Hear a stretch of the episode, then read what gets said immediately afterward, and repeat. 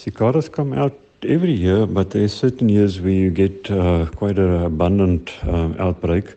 Um, after the drought, 2016 was such a year, and 2020, and it seems like this year again.